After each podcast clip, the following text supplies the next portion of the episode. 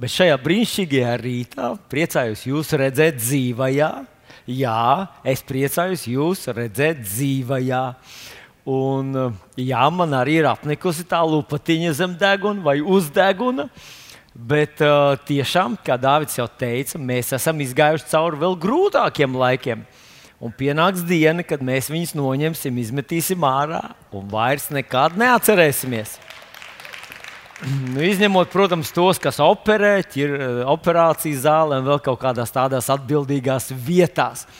Bet, nu, lūdzu, sajūties, kā jūtas ķirurgs, kad viņš vairākas stundas, un pat dažreiz daudz stundas stāv uh, blakus, lai kādu cilvēku pasargātu. Mēs arī to darām. Mēs to darām lai pasargātu kādu citu, kaut vai tīri komfortā mēs dotu viņam tādu gandarījumu, ka mēs visi cenšamies darīt visu iespējamo, lai mēs stāvētu pretī šai sērgai un tā no mūsu zemes vienu dienu aizietu prom Jēzus vārdā. Vai es drīkst dzirdēt tavu āmenu uz to? Āmen. Jā, paldies. Tev ir līdzi tava bībele, es ceru. Nu, vismaz telefonā noteikti tev ir vismaz trīs, četri dažādi tulkojumi. Nu, tad lūdzu atveriņu vaļā Jāņa evanģēlijā, 5. nodaļā. Faktiski mēs tā arī pavadīsim šo svētdienu šajā vienā rakstu vietā, gandrīz vai. Nu, kādas citas svētdienas, eh, kad es dodu tulkiem rakstu vietas, tad kādreiz tās ir 15, un es tā pie sevis domāju, nu, redz, tas ir kārtīgs mācītājs, tā nedara. Bet, nu, Kādreiz gadās tā, bet šoreiz ir viena pamata raksturvieta, Jāņem Vangelis 5. nodaļa. Mēs izlasīsim no 2 līdz 9 pantam. Un tā tad es lasu, es lasu. Bet Jeruzalemē pie aviju vārtiem ir dīķis, kur ebrejiski sauc Betsata vai Betesda, ar piecām stabu ailēm. Tanīs gulēja liels pulks slimnieku, aklu, tīzlu, izkaltušu, kas gaidīja uz ūdens kustēšanu. Jo savā laikā eņģelis nolaidās dīķī un ūdeni sakustināja. Kurš tad iekāpa viņā pirmais pēc ūdens sakustēšanās? Tas kļuva vesels, lai kāda bija viņa slimība. Tur bija arī kāds cilvēks, kas 38 gadus bija gulējis nevesels. Jēzus redzēdams viņu guļam un zinādams, ka viņš jau ilgi atrodas tādā stāvoklī, saka viņam, vai tu gribi vesels kļūt? Slimais viņam atbildēja, kungs, man nav neviena cilvēka, kas man ienestu dīķī. Kad ūdens tiek kustināts, un kamēr es pats noēmu, cits jau aiziet man priekšā. Jēzus viņam saka, cēlies! Kaut kur dzirdējām, jā, to vārdu cēlies, mūzu, cēlies, Jāzovā, cēlies. Ja ir meitiņa mirusī, 12 gadīgā, cēlies, halleluja, cēlies. Tātad cēlies, ņem savu gultu un staigā. Tūdaļ tas kļuva vesels, paņēma savu gultu un sāka staigāt. Bet tā diena bija sabats. Amen. Šajā vietiņā mēs arī ap, apstāsimies. Tie, kas drusku cītīgāk pievērš uzmanību Bībelē, varbūt palasa kādus citus tulkojumus, un viens no tiem, kur var pieminēt, ir uh, mūsu jaunais tulkojums. Lasot šo piekto nodaļu, jūs konstatēsiet tādu interesantu faktu, ka ceturtais pants neeksistē jaunajā tulkojumā. Tā tad sākās pirmais, otrais, trešais, pēc trešā ir piektais pāns. Un acīm redzot, un uh, mēs varam atrast to arī dažos citos tulkojumos, ka šis te, uh, ceturtais pāns ir izņemts ārā. Nu, kāds tas ceturtais pāns bija? Ceturtais pāns skan tā. Tātad, jo savā laikā eņģelis nolaidās dīķī un ūdeni sakustināja. Kurš tad iekāpa viņā pirmais pēc ūdens sakustēšanās, tas kļuva vesels, lai kāda bija viņa slimība. Wow! Acīm redzot, tulkotāji ir domājuši, ka nezinu, ko tas pāns varētu nozīmēt. Un kādiem radās šaubas, vai tas varbūt bija ticējums, varbūt tradīcija, varbūt mājiņticība. Un viņi to pantu izrāva ārā no tās vietas. Tā kā doma, ka tas vienkārši tur ir iemaldījies. Bet, mīļie draugi, padomāsim, ja Rīgā būtu kāda neliela ūdens tilpne, kurā būtu tāda, nu, tāda vispār pieņemta skaidra ziņa, kurai visa tauta ticētu, ka reizi gadā, un tā tur ir rakstīts, tas um, in certain season, angļu bībelītē, King James tulkojumā, tātad mēs varam saprast, ka vienreiz gadā eņģelis nolaižas tajā ūdens tilpnē un sakustina ūdeni. Un tajā mirklī, lai kāda būtu cilvēka slimība, viņš saņem dziedināšanu. Kā jūs domājat, kā izskatītos šī ūdens tilpne? Nu, manuprāt, mīļie draugi, mēs redzētu tur apkārt daudz cilvēku. Nu, varbūt ziemā to, to roņu skaits samazinātos, bet vasarā Mīļie draugi, tur būtu daudz, un tur būtu vietas, kur var piemaksāt druskuļi vairāk, daudz mīkstos krēslos, sēdēt un skatīties uz ūdens tilpni, un kaut kur tālāk tur uz kaut kādiem nu, parastiem tādiem sēžamajiem, un kaut kur tālāk tur smiltīs. Bet tur būtu daudz cilvēku, vai ne? Nu, redziet, ja mēs šo pantu izņemam ārā no šīs nodaļas, tad zūd tā jēga, kāpēc tajā Betesdā, kurā bija piecas stabu ailes, un tās bija tādas domātas lielas, piecas nojumas, kāpēc tur salasījās daudz slimu cilvēku. Daudz slimu cilvēku, tur nav uzrakstīts, cik tieši daudz. Bet daudz, ja Bībele saka, ka to bija daudz, tas nozīmē, ka to bija daudz. Un es pie sevis domāju, nu, Parasti mēs domājam, ka slimnīca ir tā veselības vieta, bet slimnīca ir vieta, kur sapulcējas kopā visas slimības. Visi vīrusi, visas baktērijas, visas problēmas sanāk vienā vietā. Un, bet tas bija tieši tāda vieta, kur sanāca dažādi cilvēki. Viņi netika šķirot kā mūsdienu slimnīcā. Vienā stāvā vienas slimības veids, otrā otrs, vienā istabā lipīgie, otrā istabā nelipīgie. Tur visi bija kopā. Un, ja tu aizgāji uz tādu vietu, kur daudz slimu cilvēku, ļoti liela iespēja pastāvēja, ka tu atnāc ar savu slimību, bet aizgāji prom ar vēl dažām, kuras tu biji tur pie Betesdas ieguvis.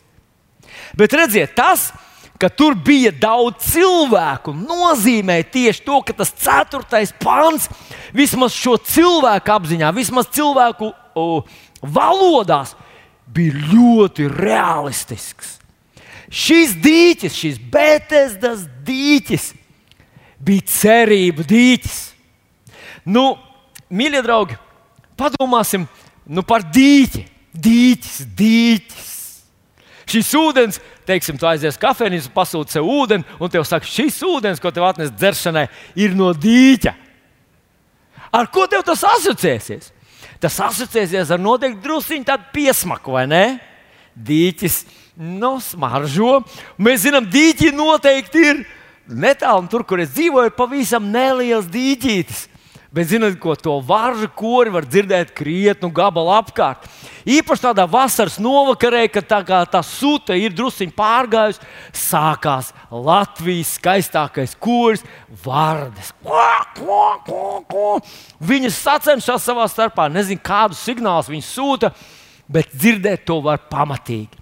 Bet iedomājieties, kā tas notika tur tajā superintensīvajā karstumā, ja mums jau dīķos vairojās tās zāles, kā tas ir tur, kur karstums ir necilvēcīgs un visa gada garumā gandrīz. Man dīķis neizsauc nekādas pozitīvas emocijas, bet šiem cilvēkiem, kas devās tur uz to dīķi un pavadīja tur laiku, un zinat, kas ir interesanti, ka daži no viņiem, mūsu jau pieminētais varonis, tur bija ilgu laiku. Viņi cieta nērtības, cieta apdraudējumus no citiem cilvēkiem. Viņi tur bija saspiesti un sablīvēti karstumā, pie nesvaiga ūdens, bet viņus visus vienoja cerība. Vai ne? Ka vienā dienā nolaidīsies eņģelis, un viņi tiks cietināti. Halleluja! Nu, lūk, uz šo cerību dīķi atnāk Mēsija, glābējs. Tas, par ko visa vecā derība pravietoja.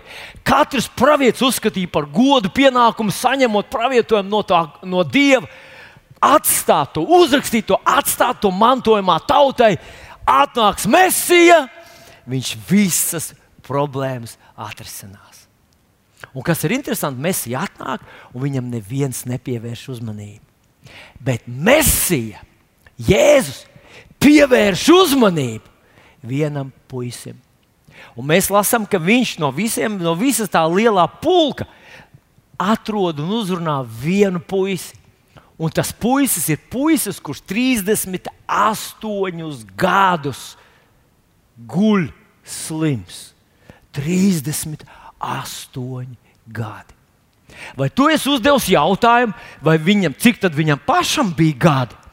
Ja viņam pašam bija 38 gadi, tad pēc tā laika standartiem viņš jau bija pāri pusmūžam. Cilvēku mūžs toreiz bija diezgan īss.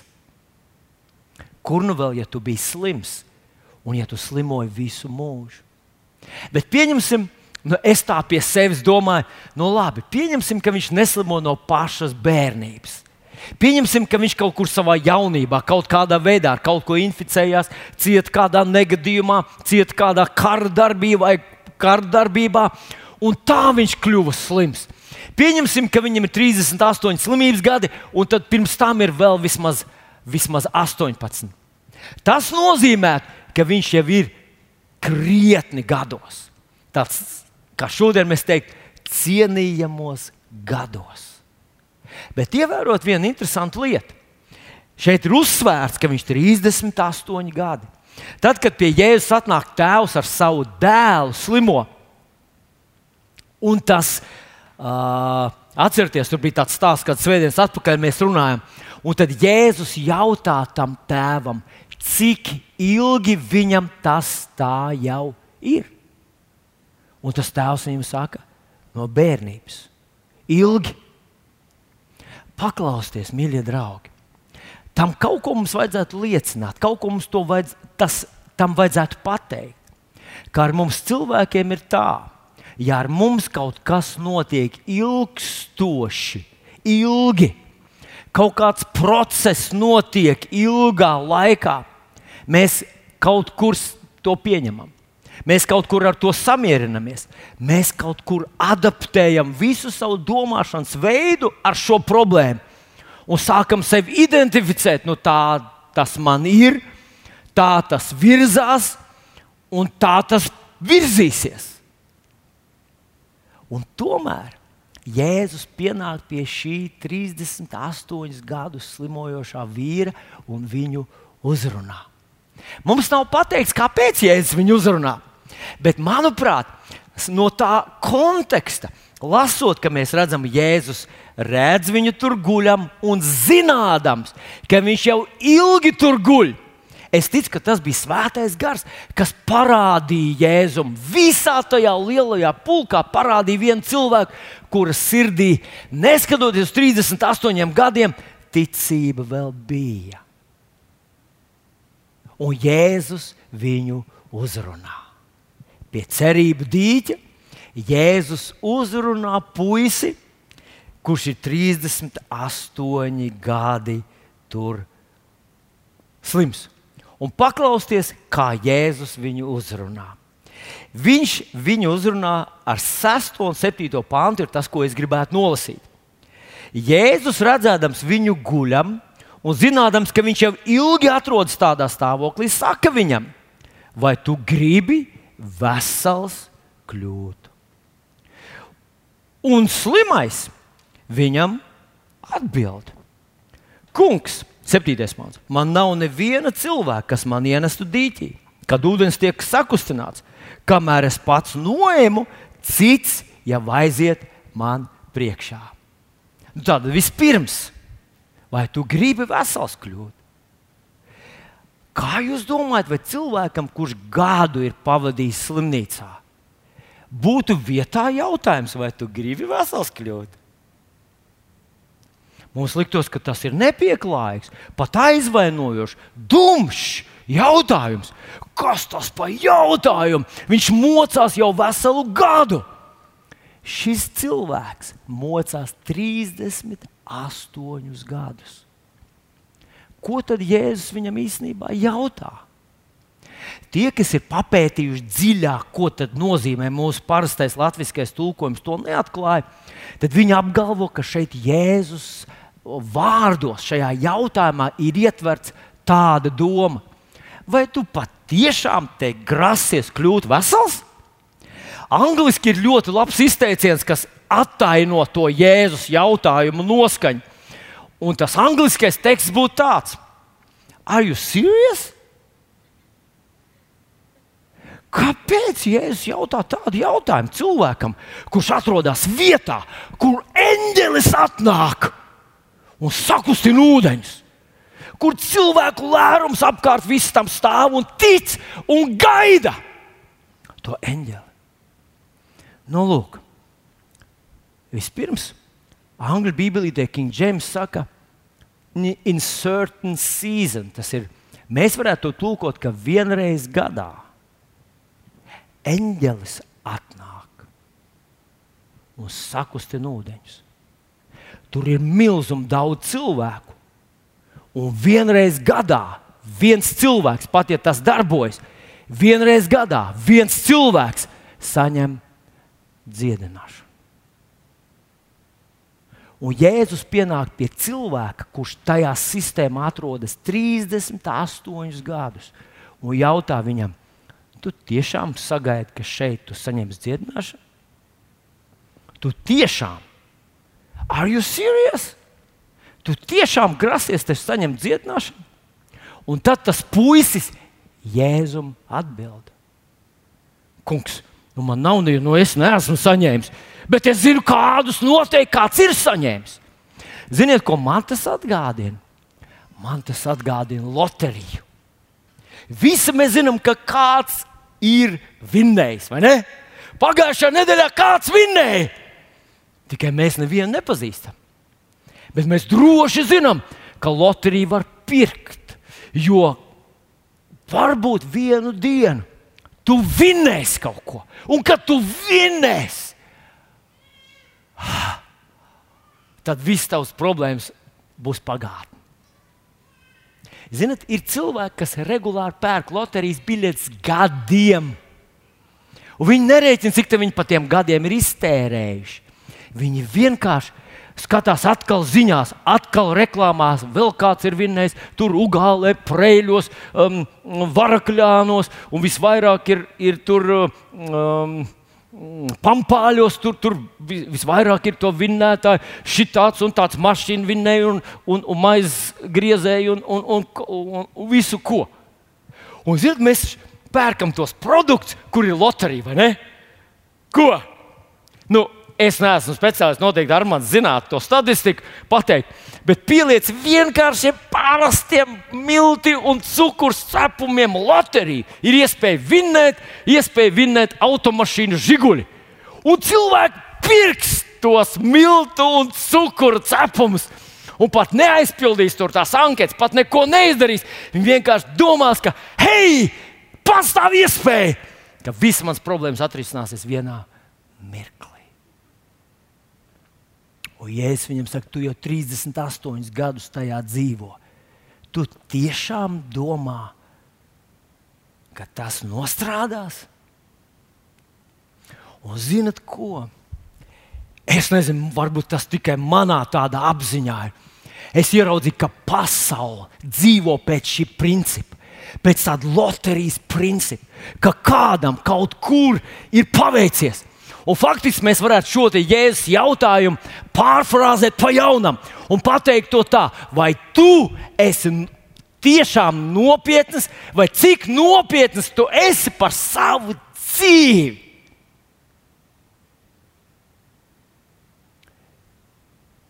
Cik nopietns tu esi par savu dzīvi? Tu!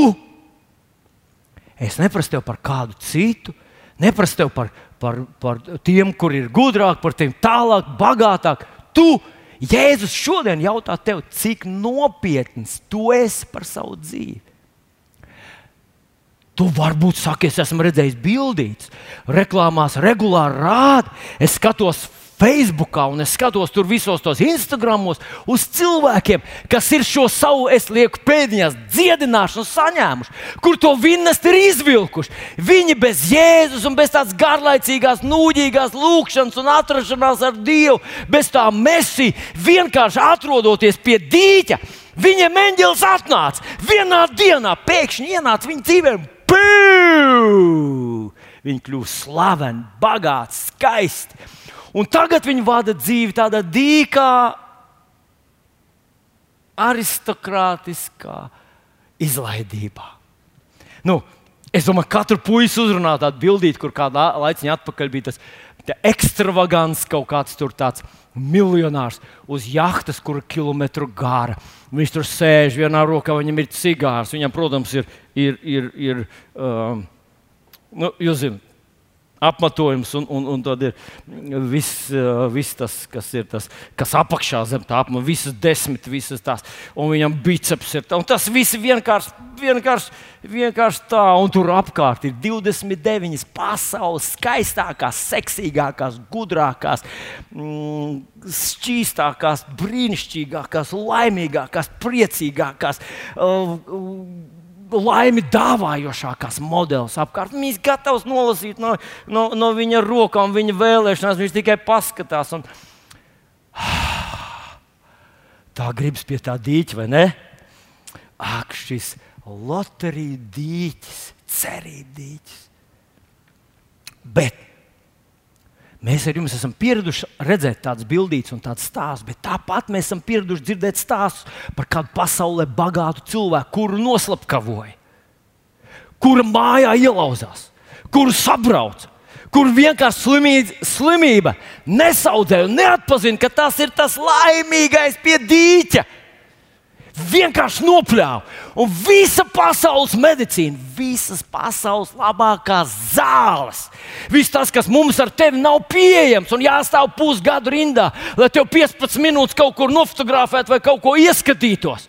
Viņam tas ir pieejams trīs reizes dienā, un nevarēja viņam palīdzēt.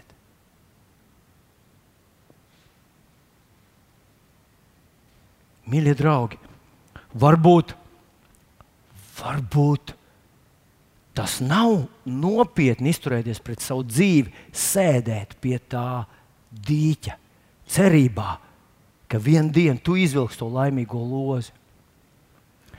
Ziniet,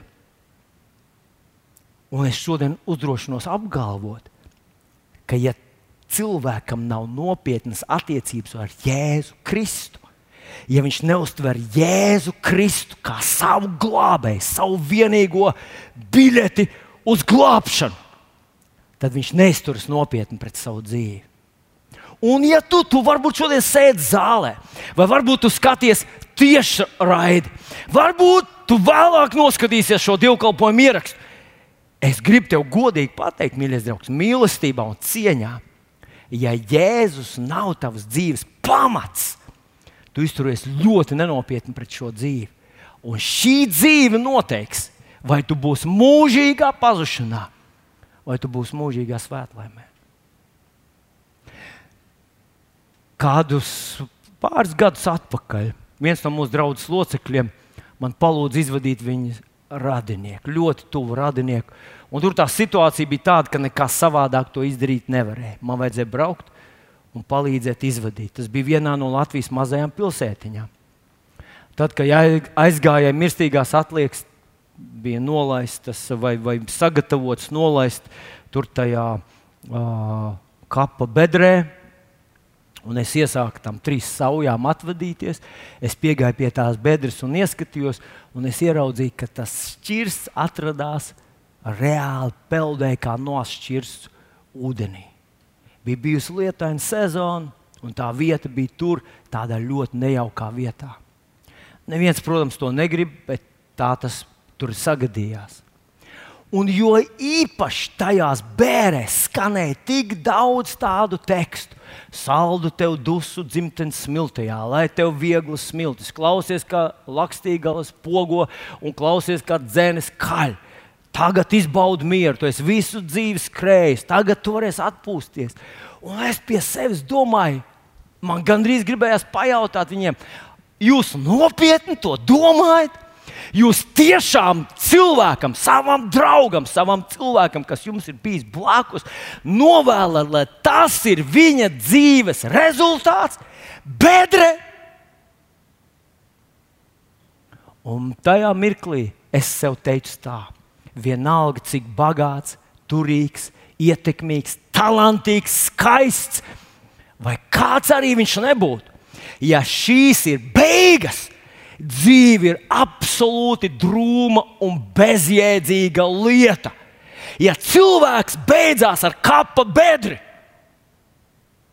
un viss, kas mums ir, ir tikai tas, ko mēs varam šajā pasaulē paņemt, tas ir murgs. Dzīvot nav vērts. Un tāpēc es vēlreiz gribu te jautāt, cik nopietnas ir tavas attiecības ar Jēzu, tik nopietni tu izturies pret savu dzīvi. Un šodien Jēzus tev jautā šo jautājumu.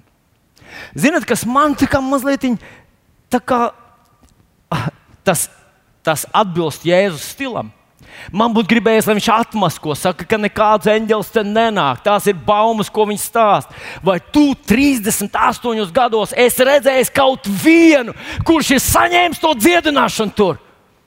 Un tas puisis nevarēja neko noteikt. Viņš tikai sacīja, e, es neesmu, bet es domāju, ka tas darbojas. Bet, mīļais draugs, Jēzum Kristum alternatīvas nav. Viņš ir vienīgais glābējs, vienīgais ceļš pie Dieva, vienīgā drošība, vienīgais miers un vienīgais, kurš solīja svētību šajā dzīvēm palīdzību šajā dzīvē, dziedināšanu šajā dzīvē. Viņš solīja, ka viņš dos savu mieru šajā dzīvē. Viņš teica, ka es palīdzēšu tev šajā dzīvē. Un viņš teica, un tu nāvis neredzēsi. Mīļais draugs, ja tu vēl neesi pieņēmis Jēzu par savu kungu, es nezinu, ko tu gaidi. Nav iespējams atrast neko labāku. Neviens cerību dīķis nevar aizvietot Jēzu Kristu. Dosim aplausus viņam! Hū, Jēzus! Jēzus! Jēzus! Jēzus! Bet, lai tu sadarbībā ar Jēzu paņemtu visu to, ko Viņš ir tev dod, un Viņš vēlas dot. Ziniet, no vienas puses, domāju, tas ir tāds pilnīgi tā kā tāds nu, paradoks. Mums kādreiz liekas, ka ar Jēzu tā nav bijis. Ka viņš atnāca ar savu dziedināšanas kalpošanu uz vietu, kur ir pilns ar slimiem. Un dziedināšanu saņēma tikai viens vienīgs cilvēks. Un pārējos tas vispār neuzrunāja. Marka evanģēlijā 6. nodaļā, 5. un 6. pāns mēs lasām, ka viņš nevarēja nevienam nevienu dziedināt. Tikai rētiem vājiem viņš rokas uzlika. Un 6. marka 6. 6 ir teikts, un viņš brīnījās par viņu neticību. Es domāju, ka šī bija vēl viena vieta, kur Jēzus paskatījās uz visiem tiem izmisušajiem, slimajiem, kas neskatījās viņa virzienā, kuri vienkārši skatījās uz to dīķi, nožēlojumu, kurkuļu un varžu pilnu dīķi un gaidīja eņģeli. Un neredzēja, ka viņiem blakus stāv Dievs. Kas par traģēdiju? Varbūt arī tu gaidi kaut ko īpašu.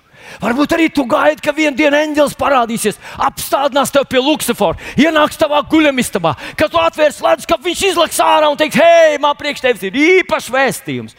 Apstājies! Jēzus Kristus jau ir īpašs vēstījums. Un Mark, um, Jāņa evanģēlijā 14. nodaļā, 11. pantā viņš saka tādus vārdus: Ticiet man, ka es esmu tēvā un tēvs ir manī. Faktiski, kad Jēzus tur stāvēja, tur stāvēja visas pasaules radītājs un Dievs. Un kad viņš uzrunā tevi un mani caur savu vārdu, to dara Dievs. Bet, lai mēs varētu Jēzum noticēt, pirmā lieta, ar ko mums vajadzētu tikt galā, ir neticība. Un mēs visi zinām, ka ir trīs mums zināmi neticības veidi. Tas pirmais neticības veids ir, ka tu nezini.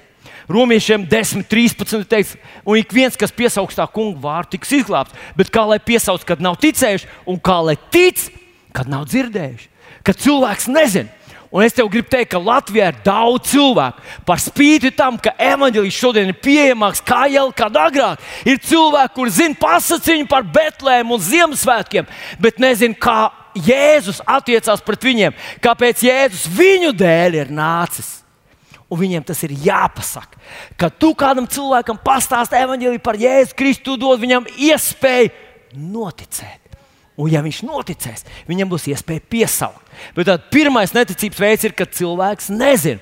Otrais neticības veids, kad doktrīna ir nepareiza.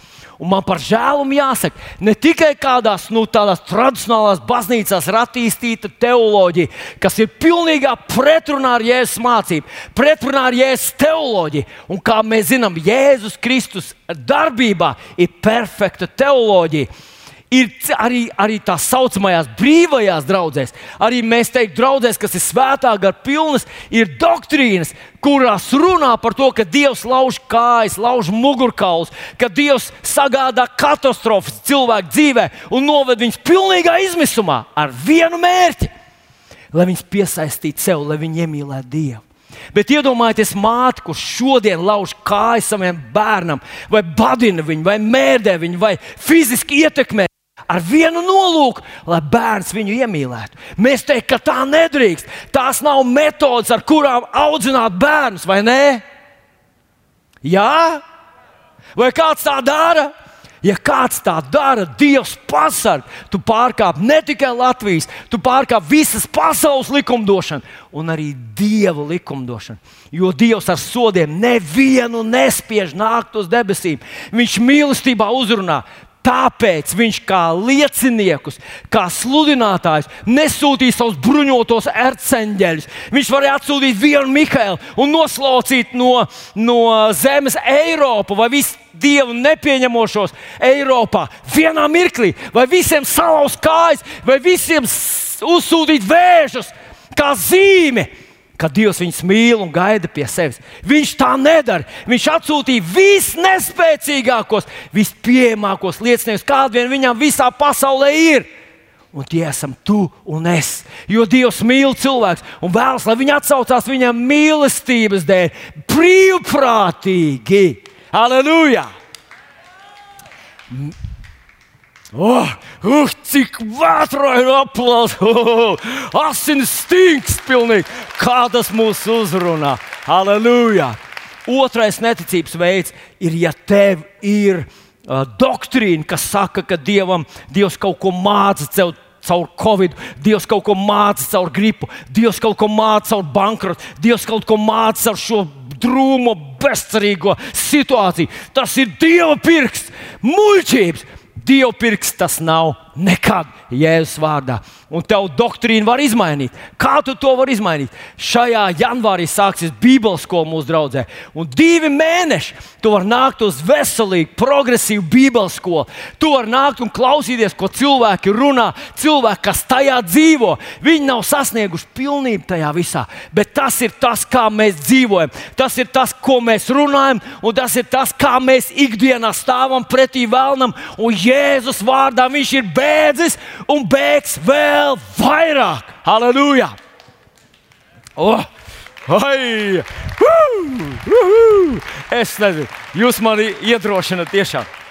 Bet vēl es gribu pateikt, Jūs jau zināt, ka es kādu, kādus gadus atpakaļ, nu diezgan daudz gadus atpakaļ, trīs ar pus gadus mācījos medicīnu. Sākās ar anatomiju, visiem latīniskiem nosaukumiem, visiem kauliem, muskuļiem, orgāniem un tā tālāk, visu to uzbūvēju. Trīs ar pus gadus! Ja mēs zinātu, ka cilvēks, kurš trīs ar pus gadus ir mācījies Bībeles skolā, mēs teiktu, ka tam ir ielikt ļoti stabili pamati. Bet, ja tu pēc tam to nelieto, tad paiet daži gadi, un tu tā kā pa mīklu atceries, kas tur bija, kā bija, kas priekš kam. Un man vēl šādi tad. Uh, uh, Līga pajautā, kam ir šīs zāles. Un es tā skatos virsū ar tādu īstu doktoru, uzlieku masku, lai, lai, lai, lai izskatos pēc ķirurga. Bet man peld viss tas, es vairs neko īsti neatceros. Tieši tas pats notiek ar cilvēkiem, kas ir bijuši progresīvā atklāsmē, kas ir bijuši ticības pilni, cilvēkiem, kas ir sapratuši, kāda ir Dieva griba, bet nav tajā palikuši. Viņi ir aizgājuši prom, vienkārši at attālinājušies no to, aizgājuši kaut kādā citā draudzē, kur viņi saka, mums ir tuvāk un ērtāk. Nu, tā doktrīna nav īsti pareiza, bet nekas. Ar gadiem viņi kļūst līdzīgi tam, ko viņi ēd. Diemžēl. Un tāpēc es iedrošinu tevi. Es iedrošinu tevi, mīļais draugs, kā tu ēd fizisko barību, tāpat ēd veselīgu, pilnīgu, sabalansētu, garīgo barību, kas stiprina tavu ticību. Un, un tas tev ļoti palīdzēs visos tajos brīžos, kad tev vajadzēs no Jēzus saņemt to brīnumu, kur viņš tev grib dot.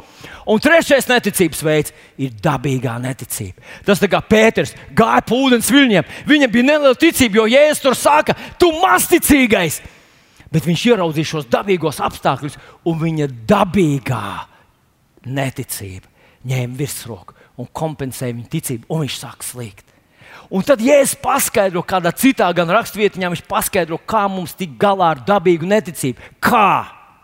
Ar lūkšanu un gavēšanu lūkšanu un gavēšanu. Vecmodīgais gavēns, vecmodīgais, arhaiskais gavēns ir veselīgs un ļoti stiprs.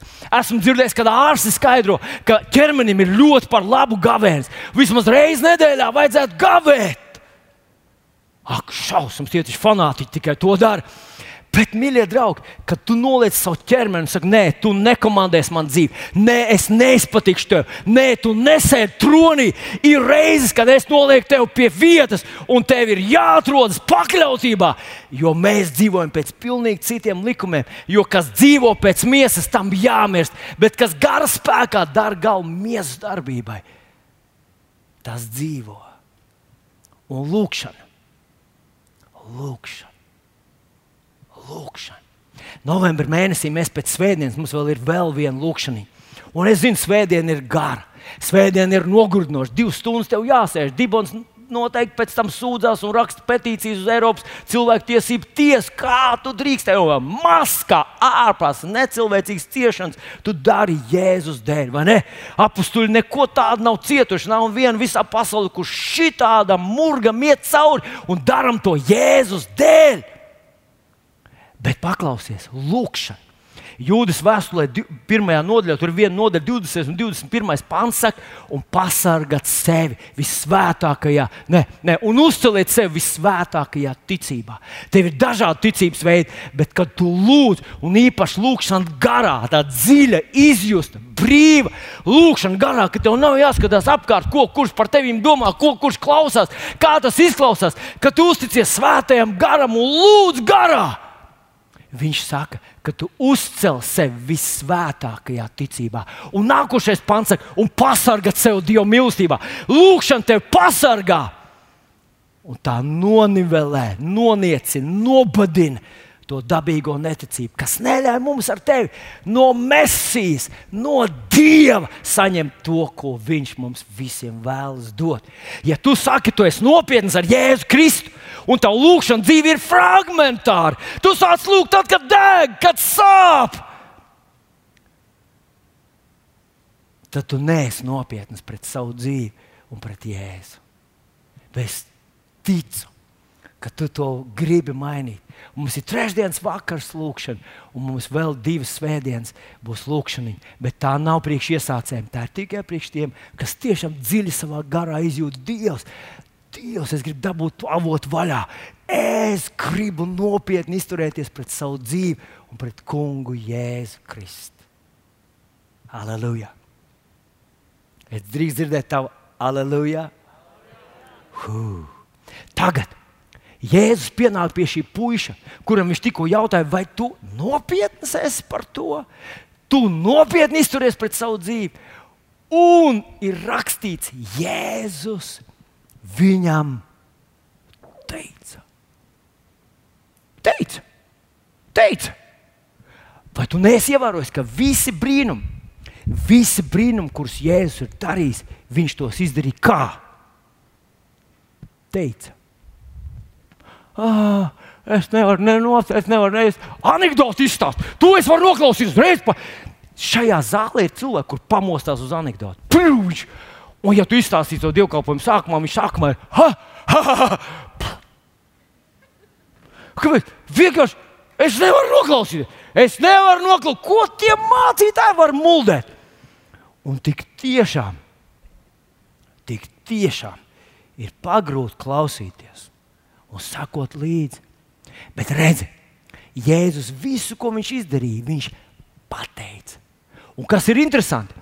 Ka tev jāklausās, ko viņš pateica. Tas nav kaut kas, oh, tur nedrīkst šī, to nedrīkst to. Nē, viņš katru reizi saka kaut ko citu un saka to, ko ir visgrūtāk izdarīt. Nu, piemēram, viņš saka vienam aklajam, kurš grib, lai viņam dod dziedināšanu, jēzus nospļauj zemē, un cilvēkam, kuram tā jau acis slims, iesmērē dubļus viņam acī. Un saka viņam, tagad ej cauri visai pilsētai. Tur pilsētas otrajā galā ir dīķis, ej un mazgājies tajā. Tas bija dzīvībai bīstams manevrs. Cilvēkam doties pa tā laika pilsētu, doties cauri pilsētai, nezināmā virzienā, nezināmā vietā, nezināmā ūdens tilpnē. Jēzu, kāpēc tu dod tik sarežģīts uzdevums? Viņš būtu gatavs pietupties 50 reizes. Pasaka, aklajam, pietupies 50 reizes, un aklais 50 reizes pietupsies. Bet Jēzus vienmēr liek darīt to, ko tas cilvēks saka, es nevaru.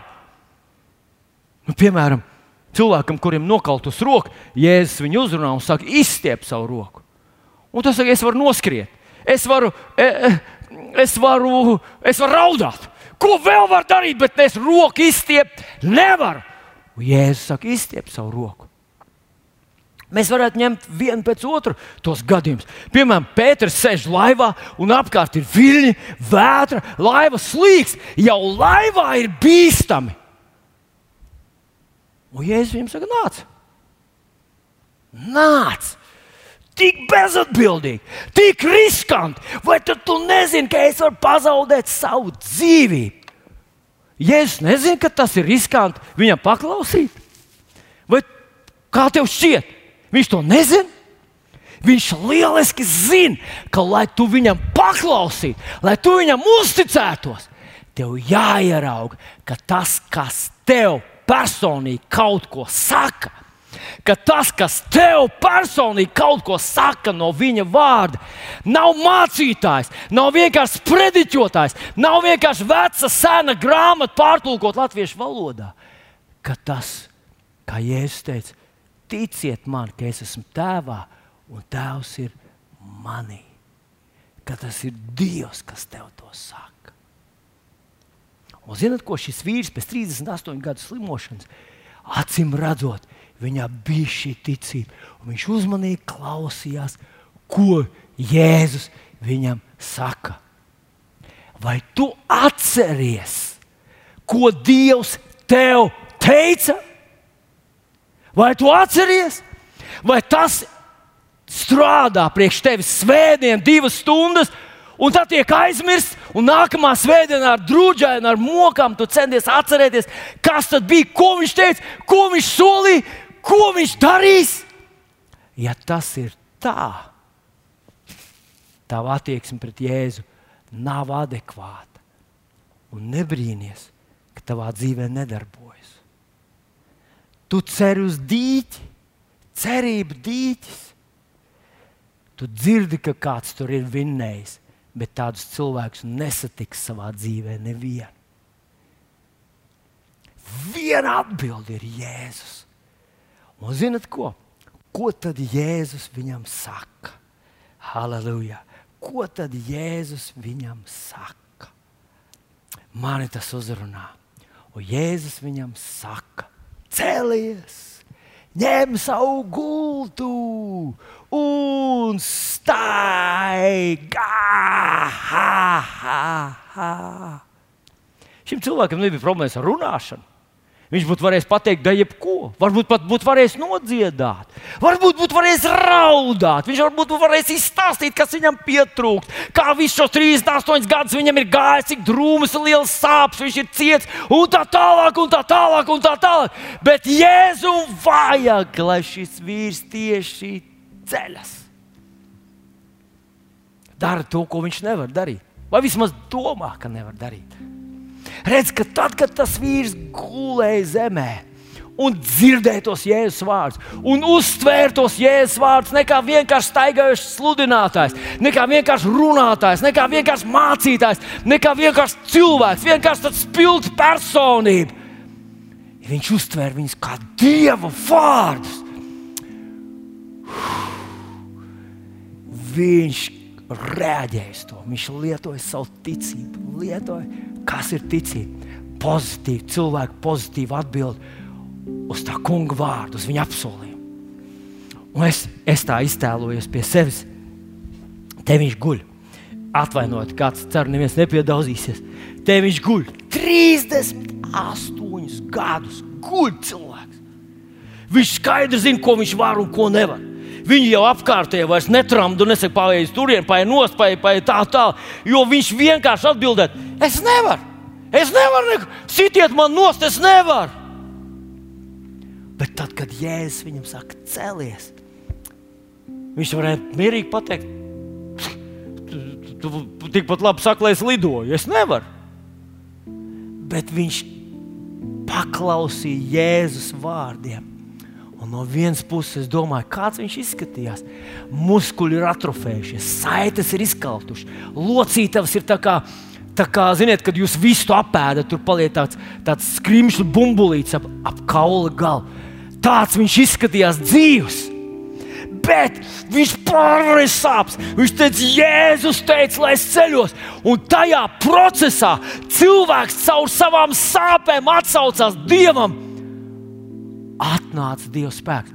Mēs nevaram pateikt, cik ātri tas notika. Vai tas bija stundu process, vai tas bija divas stundas, vai tas bija vairāk nedēļu pēc tam garumā, kad viņš katru dienu teica, bet Jēzus teica, lai es ceļos, Jēzus teica, lai es ceļos un staigāju. Jēzus! Un man visvairāk fascinē, vai man eh, tāda liela grūdienu saprāšanā deva tas pēdējais piebilde. Un tā diena bija sabats. Cilvēks, kurš dzīvo zārka malā, kapa malā, viņš varbūt bija sen jau gatavs aiziet prom. Viņš rēķinājās ar to, ar to ka viņš drīz sastaps Dievu. Viņš, es domāju, savā, savā ierobežojumā centās turēt bauslību, cik vien var. Un nu Jēzus svētā dienā saka, paņem savu gultu. Ne vienkārši celies, tas bija atļauts, bet paņem gultu un celties. Tas bija Mozus aizliegts un nāves sodu piedraudēts. Viņa acīs Jēzus bija lielāks kā Mozus. Viņa acīs Jēzus vārds bija varenāks kā Mozus vārds. Jēzus! Pasaules cerība, mans kungs, mans cietinātājs, mans glābējs! Jēzus! Šodien es uzrunāju tevi, mans brāl, māsa. Ja tu bū, gribi būt nomināls kristietis, tāds, tāds nesau neko, tur es jau tā, tāds tu vari būt. Tā ir tava dzīve. Tu vari tāds palikt. Tu vari ar vienu atskatīties uz, uz cerību dīķi un ar otru acu uz Jēzu bet tu nepiedzīvos to spēku, kas liek ielīst dzīvībā, izkaltušos kaulos. Tu nepiedzīvos brīnumu savā dzīvē. Tu nepiedzīvos, ka Dievs ceļ un ceļ, ceļ un ceļ un vēd tev dzīves kalnā un nekad no tā nelaiž slēpt. Ja Jēzus tavā dzīvē nav numur viens, Viņš ir patiess un viss pasaule ir meļa.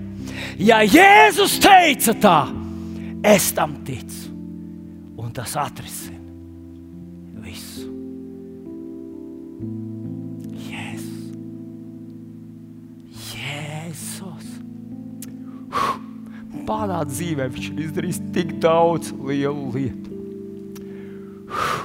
Kad es skatos uz visu savu garo dzīvi, vārds jāsaka. Viņš ir uzticams, viņš ir klints, viņš nemainās. Viņa vārds ir patiess. Vai tu slimo ar riesnām, vai tu slimo ar vēzi, Jēzus vārdā. Viņš ir dziedinātājs, palīgs. Uz viņu var paļauties, lai vai kas. Jēzus. Man ļoti gribētos, un es ticu, ka Svētais Gars uzrunā visus mūsu šajā rītā, lai tu izrevidē savu attieksmi pret Jēzu. Izmet ārā visas tās ierastās, novalkātās, pelēkās koncepcijas un ierauga, ka viņam var uzticēties. Viņš būs ar tevi līdz galam. Un kad būs gals, tu ieraudzīsi viņu. Wow! Un vienalga, kādā bedrē arī neieliktu tavu miesu, tavs gars un tavu dvēseli, redzēs to kungu un tavas labākās dienas. Tavas labākās dienas ir tev priekšā.